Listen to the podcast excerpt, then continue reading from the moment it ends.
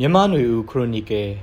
ဒီဇင်ဘာ၄ရက်မြင်ကွင်းတရုတ်စံကျင်ရေးတရုတ်ဩဇာလွှမ်းမိုးမှုနဲ့မြန်မာနိုင်ငံရေးမြန်မာနိုင်ငံဟာကမ္ဘာမှာအင်အားကြီးနိုင်ငံတစ်နိုင်ငံဖြစ်လာတဲ့တရုတ်နိုင်ငံနဲ့ရှီလျားတဲ့နယ်နိမိတ်ထိစပ်နေသလိုဒေသတွင်းအင်အားကြီးနိုင်ငံတစ်နိုင်ငံဖြစ်တဲ့အိန္ဒိယနဲ့လည်းနယ်နိမိတ်ချင်းထိစပ်နေတဲ့အိန္ဒိချင်းနိုင်ငံတစ်နိုင်ငံဖြစ်နေတာပါ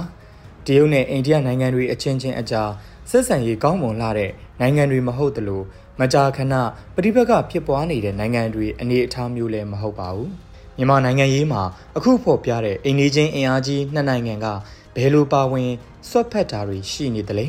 သို့မဟုတ်လက်ရှိဖြစ်ပွားနေတဲ့မြန်မာနိုင်ငံရေးရဲ့ပြည်တွင်းစစ်မှာဘယ်သူကိုထောက်ခံနေသလဲဆိုတဲ့အပိုင်းမှာထင်သာမြင်သာတာတွေရှိနေသလိုမှန်းဆကြည့်ချက်တွေလည်းအများအပြားရှိနေပြီးအချို့သောအချက်လက်တွေကယူဆချက်အနေထားသာရှိပြီးတော့ တက်တည်အထောက်ထားရဖို့ပြဖို့မလွယ်ကူတာလည်းဖြစ်ပါတယ်။အိန္ဒိယနိုင်ငံနဲ့မြန်မာဒေါ်လန်ရေးလက်နက်ကိုင်အဖွဲ့တွေရဲ့ကြားဆက်ဆံရေးမရှိသလောက်ဖြစ်ပြီးအိန္ဒိယနိုင်ငံကစစ်ကောင်စီနဲ့သာအစိုးရချင်းဆက်ဆံရေးကိုဆက်လက်ထိန်းသိမ်းထားသလိုဝေဖန်မှုတွေရှိသည့်တိုင်စစ်ကောင်စီကိုအတိမတ်ပြုဆက်ဆံနေတဲ့အိန္ဒိချင်းနိုင်ငံတစ်နိုင်ငံဖြစ်ပါတယ်။ အိန္ဒိယနိုင်ငံရဲ့ပြည်နယ်တစ်ခုဖြစ်တဲ့မီဇိုရမ်ပြည်နယ်ကတော့၎င်းနဲ့ထိစပ်နေတဲ့ချင်းပြည်နယ်ကစစ်ဘေးရှောင်တောင်းကနန်းနဲ့ချီလက်ခံထားပေးပြီးတော့လူသားချင်းစာနာမှုအကူအညီတွေပေးနေတာဖြစ်ပါတယ်။အခြားနယ်နိမိတ်ထိစပ်နေတဲ့အာတန်ပြည်နယ်လူမျိုးကတော့မြန်မာစစ်ဘေးရှောင်သူတွေအပေါ်မီဇိုရမ်ပြည်နယ်လူနှွေးထွေးတဲ့သဘောထားနဲ့ဆက်ဆံမှုမျိုးမတွေ့ရပါဘူး။လက်ရှိအမျိုးသားရေးဝါဒီလို့သတ်မှတ်ကြတဲ့ BJP ပါတီခေါင်းဆောင်မိုဒီဝန်ကြီးချုပ်အဖြစ်တာဝန်ယူထားတဲ့အိန္ဒိယနိုင်ငံအနေနဲ့မြန်မာရဲ့ဒီမိုကရေစီအရေးစီအာဏာရှင်စနစ်ဆန့်ကျင်ရေးစတဲ့နိုင်ငံရေးရည်မှန်းချက်စကလုံးတွေအပေါ်စိတ်ဝင်စားဟန်မပြဘဲလက်တွေ့အကျိုးစီးပွားနဲ့မြန်မာနိုင်ငံမှာဗဟုအာဏာလို့ဆိုနိုင်တဲ့နေရာအများစုကိုထိန်းချုပ်ထားတဲ့စစ်အစိုးရကသာလက်ရှိအစိုးရအဖြစ်အတိမတ်ပြုဆက်ဆံတဲ့အနေအထားမျိုးဖြစ်ပါတယ်။အိန္ဒိယနိုင်ငံအနေနဲ့ မြန်မာဒီမိုကရေစီပြန်လည်ပေါ်ထွန်းရေးအတွက်1988ခုနှစ်တုန်းက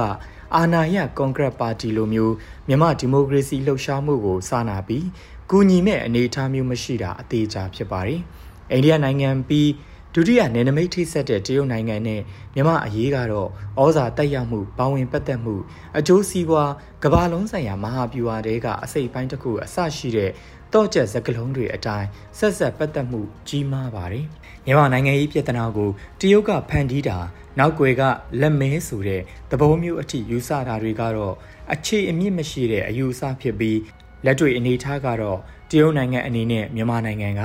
ကပတ်တကွင်းလန်ဒဇင်းတဲကအစိတ်ပိုင်းတစ်ခုဖြစ်တယ်လို့တရုတ်နိုင်ငံအနောက်တောင်ပိုင်းယူနန်ပြည်နယ်ရဲ့ပင်လယ်ထွက်ပေါက်ဂုံစီပို့ဆောင်ရေးစွမ်းအင်စတာတွေအတွက်အရေးပါတဲ့နေမြေဒေသတစ်ခုတရုတ်နိုင်ငံနဲ့ထိစပ်နေတဲ့မြန်မာနိုင်ငံမြောက်ပိုင်းနဲ့အရှေ့မြောက်ပိုင်းကကိုယ်ပိုင်အုပ်ချုပ်ခွင့်ရဒေသတွေရဲ့တရုတ်အပေါ်အားကိုးမိခိုမှုတွေမြန်မာနိုင်ငံတည်းယင်းနှိမ့်မြုပ်နှံထားမှုတွေကမ္ဘာလုံးဆိုင်ရာမဟာဗျူဟာအရာအိန္ဒိချင်းနိုင်ငံတနိုင်ငံမှာအမေရိကန်လိုလားတဲ့နီးစပ်တဲ့အစိုးရသို့မဟုတ်နိုင်ငံရေးစစ်ရေးအင်အားစုတွေဖြစ်ထွန်းမလာရေးစတဲ့အချက်တွေကတရုတ်နိုင်ငံအနေနဲ့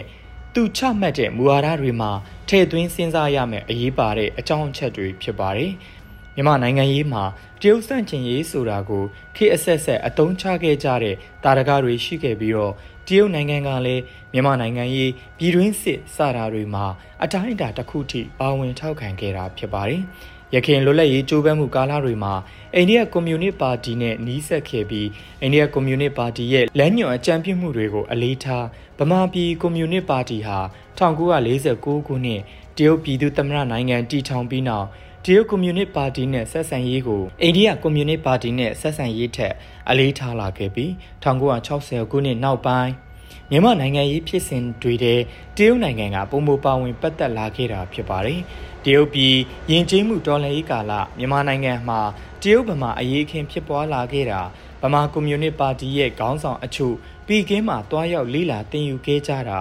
ပဲခူးယူမကစစ်ရေးအခြေစိုက်စခန်းတွေတိုက်ခိုက်ခံရပြီးတရုတ်နိုင်ငံနဲ့နေဆက်ဖြစ်တဲ့အရှေ့မြောက်ဒေသကိုဗမာပြည်ကွန်မြူနစ်ပါတီဌာနချုပ်အဖြစ်ရွှေ့ပြောင်းအခြေစိုက်ပြီးဆယ်စုနှစ်များစွာစစ်တပ်ကိုစစ်ရေးအရာ တိုက်ခိုက်ခဲ့တာတွေမှာတရုတ်ကွန်မြူနစ်ပါတီတနည်းအားဖြင့်တရုတ်နိုင်ငံရဲ့တခုတည်းသောပါတီကထောက်ခံကူညီခဲ့တာဖြစ်ပါတယ်။မြန်မာစစ်တပ်ဟာဒီသမိုင်းကြောင်းတွေအရာတရုတ်နိုင်ငံကို၎င်းတို့ရဲ့စစ်ရေးအရာရန်သူကွန်မြူနစ်ပါတီကိုအားပေးကူညီသူအဖြစ်သမိုင်းနဲ့ချီမုန်းတီးခဲ့ကြတာဖြစ်ပါတယ်။သို့တော်လည်း1988ခုနှစ်စစ်အာဏာသိမ်းပြီးမကြာခင်ဗမာပြည်ကွန်မြူနစ်ပါတီလည်းပြိုကွဲခဲ့ရပြီးတော့ တရုတ်ကနိုင်ငံတကာကွန်မြူနစ်ပါတီတွေအချင်းချင်းဆက်ဆံရေးထက်စီးပွားရေးအကျိုးစီးပွားပေါ်အခြေခံတဲ့ဆက်ဆံရေးမျိုးစီပြောင်းလဲခဲ့ရာကအာဏာသိမ်းနဝတအစိုးရနဲ့ကောင်းမွန်တဲ့ဆက်ဆံရေးတည်ဆောက်လာခဲ့ကြတာဖြစ်ပါတယ်။ရခင်က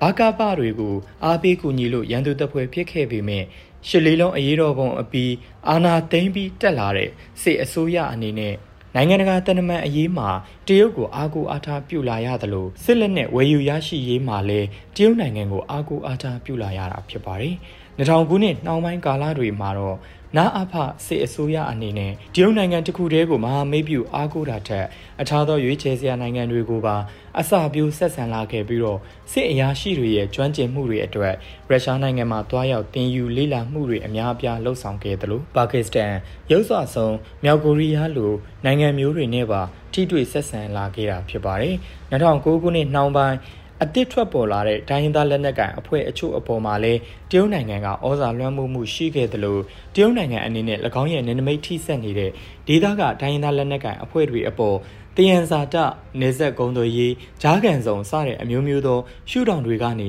ထိတွေ့ဆက်ဆံအကူအညီပေးခဲ့တယ်လို့မြန်မာစစ်တပ်ကယူဆထားရာကမြန်မာစစ်တပ်နဲ့တရုတ်နိုင်ငံတို့အကြားဆက်ဆံရေးကရောကျလာခဲ့တာဖြစ်ပါတယ် ခြားတစ်ဖက်မှာမြန်မာအတိုက်ခံအင်အားစုတွေအနေနဲ့တော့တရုတ်ရဲ့အကျိုးစီးပွားအပေါ်အခြေခံတဲ့မူဝါဒအနောက်အုပ်စုရဲ့တဆင်ကန်လို့ယူဆတဲ့အင်အားစုတွေကိုတံပြန်ချိန်ခွင်ရှာညှိဖို့